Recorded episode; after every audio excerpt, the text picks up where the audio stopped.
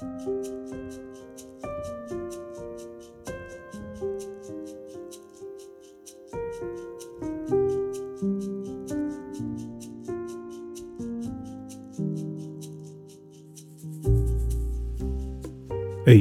på fødestua, når barnet ankommer verden, kan ikke beskrives med ord, men må oppleves. Ikke bare oppleves, men også deles. Det nyfødte barnet har i vårt samfunn høy status, uavhengig av om det er jente eller gutt. Foreldre, familie og venner gleder seg over den nyfødte. Slik har det ikke alltid vært. Jentebarn hadde lavere status enn guttebarn og fikk ikke mulighet til utdannelse eller tilgang til det offentlige liv. Barn av slaver ble sett på som eiendom og hadde bare verdi som arbeidskraft. Barn som ikke var ønsket, kunne man kvitte seg med. De kunne bli satt ut i skogen eller druknet. Midt i denne tida er det Jesus blir født som et lite, fattig barn og lagt i en krybbe. Barnet i krybben blir hyllet som konge av mennesker fra ulike samfunnslag. Jesus snur opp ned på hierarkiet og gjør barna til forbilder. Hvem er den største i himmelriket? sa han.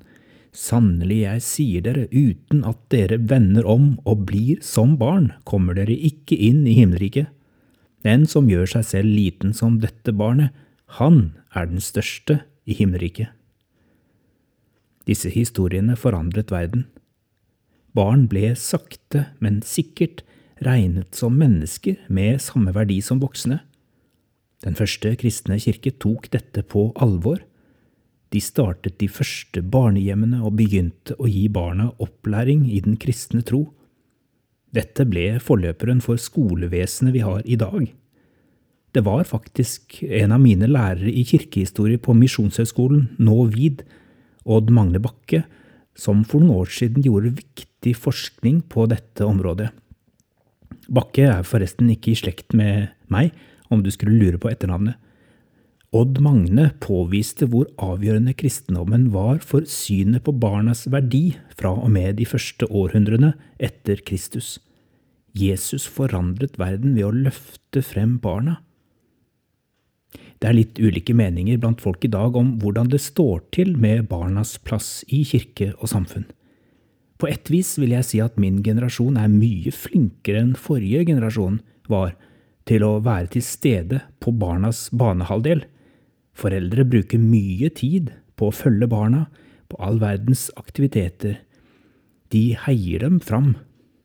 Kanskje likevel denne voldsomme interessen for å heie frem våre barn kan ha skapt noen utilsiktede virkninger, som paradoksalt nok hindrer barna i å få være bare barn.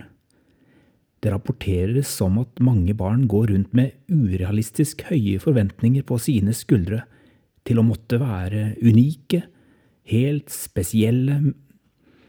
Men er ikke det bra, da? Var det ikke nettopp dette Jesus ba oss om? Ja, på en måte, men på hvem sine premisser skal barna være unike og spesielle?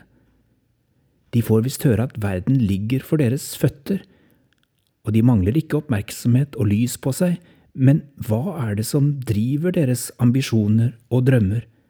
Er det en sunn egenkjærlighet, eller er det en betinget kjærlighet der man er mål for noen andres behov for å sette avtrykk? Kan det være at vår tids misbruk av barn i noen grad handler om dette, der barna før Jesus kom ikke ble regnet som mennesker før de var blitt nesten som voksne å regne, er kanskje vår tids utfordring at barna ikke får være barn på egne premisser. De skal ta valg og slippes fri i de voksnes verden så altfor tidlig. Som enkeltindivider skal de måtte ta stilling til saker og ting, ja, også eksistensielle spørsmål, som hvilken tro de skal tilhøre. I en fase av livet der troen først og fremst skulle handle om tillit, kastes barna allerede i barneskolen ut i en jungel av valgmuligheter på livssynsområdet og må stå opp og forsvare Gud, ja, nærmest bære Gud, når det det egentlig handler om, er å bli båret av Gud. når det det skulle handle om, var å bli båret av et fellesskap som tror.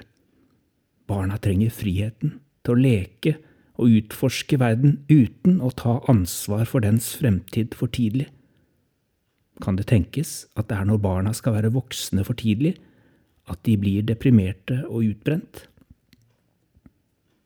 Det finnes ingen generelle svar som passer for hele den oppvoksende generasjonen, men dette var mine tanker i dag idet jeg nok en gang ble møtt av Jesu myndige ord i Matteus 18. Sannelig, jeg sier dere, uten at dere vender om og blir som barn, kommer dere ikke inn i himmelriket. Og den som tar imot et slikt lite barn i mitt navn, tar imot meg. Å ta barn på alvor er ikke å behandle dem som voksne.